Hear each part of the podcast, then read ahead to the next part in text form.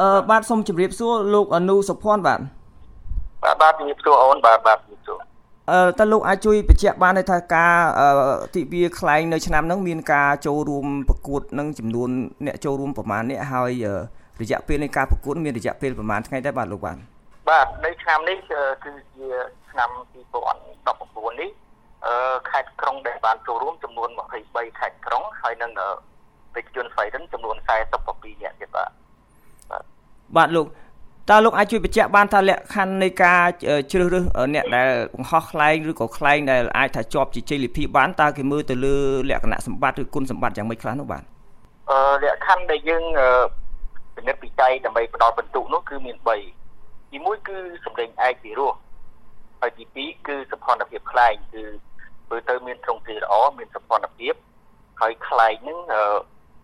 មានកម្រិតដោយគំនូរក្បូរក្បាច់រចនាភាពបាទបាទ ហើយទី3គឺបច្ចេកទេសបច្ចេកទេសនេះគឺការបង្ហោះឡើងបានល្អហើយដាក់ចុះបានល្អដែរបាទលក្ខខណ្ឌ3នេះសំខាន់បាទបាទតើលោកអាចជួយបញ្ជាក់បានបន្ថែមទៀតថាតើការប្រកួតខ្លែងនេះយើងធ្វើជារៀងរាល់ឆ្នាំឬក៏មានការអខាននៅលើនៅពេលណានោះនោះដែរនោះបាទយើងធ្វើរៀងរាល់ឆ្នាំប៉ុន្តែមានឆ្នាំខ្លះអាចអខានដែរដោយសារមានបញ្ហាវិបត្តិ គ្រោះធម្មជាតិអីផ្សេងផ្សេងកន្លងមកណាបើប៉ុន្តែពីច្រើនគឺយើងធ្វើមិនទៅដែរខានទេបាទជារៀងរាល់ឆ្នាំហើយ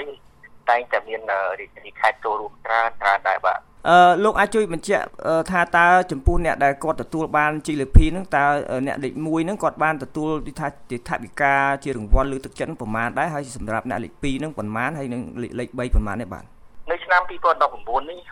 ចំពោះ ពានរង្វាន់នឹង GDP អ្នកដែលជាប់លេខ1គឺសម្រាប់ខ្លែងឯករបស់ខេត្តហ្នឹងអ្នកជាប់លេខ1បានទទួលពាន1បាន GDP 1អមដោយទឹកប្រាក់80,000រៀលបាទហើយចំណែកឯ GDP លេខ2គឺបានបាន GDP 1អមដោយទឹកប្រាក់350000រៀល GDP លេខ3បានបាន GDP 1អមដោយទឹកប្រាក់300,000រៀលបាទនេះចំពោះខ្លែងឯករបស់ខេត្តបាទ ហើយចំណែកឯខ្លែងរបស់ពេជ្រជន់ស្វ័យរិនដែលជាខ្លែងឆ្ងាយប្រឌិតគឺជ័យលាភីលេខ1បានបានបានពៀន1បានបានជ័យលាភី1អមដោយទឹកប្រាក់350,000រៀល GDP លេខ2បានបាន GDP 1អមដោយទឹកប្រាក់300,000រៀល GDP លេខ3បានបាន GDP 1 អមដោយទឹកប្រាក់250,000រៀលបាទចំពោះរង្វាន់លួងចិត្តគណៈកម្មការយើងបានជូនរង្វាន់លួងចិត្តទៅខ្លែងឯកមួយហ្នឹងគឺ150,000រៀលហើយខ្លែងស្វ័យរិនមួយហ្នឹងគឺ100000រៀលបាទខ្ញុំសូមជម្រាបជូនថាឆ្នាំ2019នេះ